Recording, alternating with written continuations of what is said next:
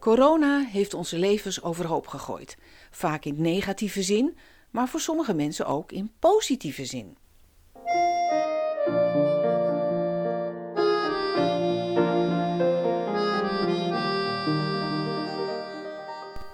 Deze mensen ontdekten, met dank aan corona, een nieuwe vaardigheid, een nieuwe vriendengroep, een nieuwe activiteit of zelfs een heel ander leven.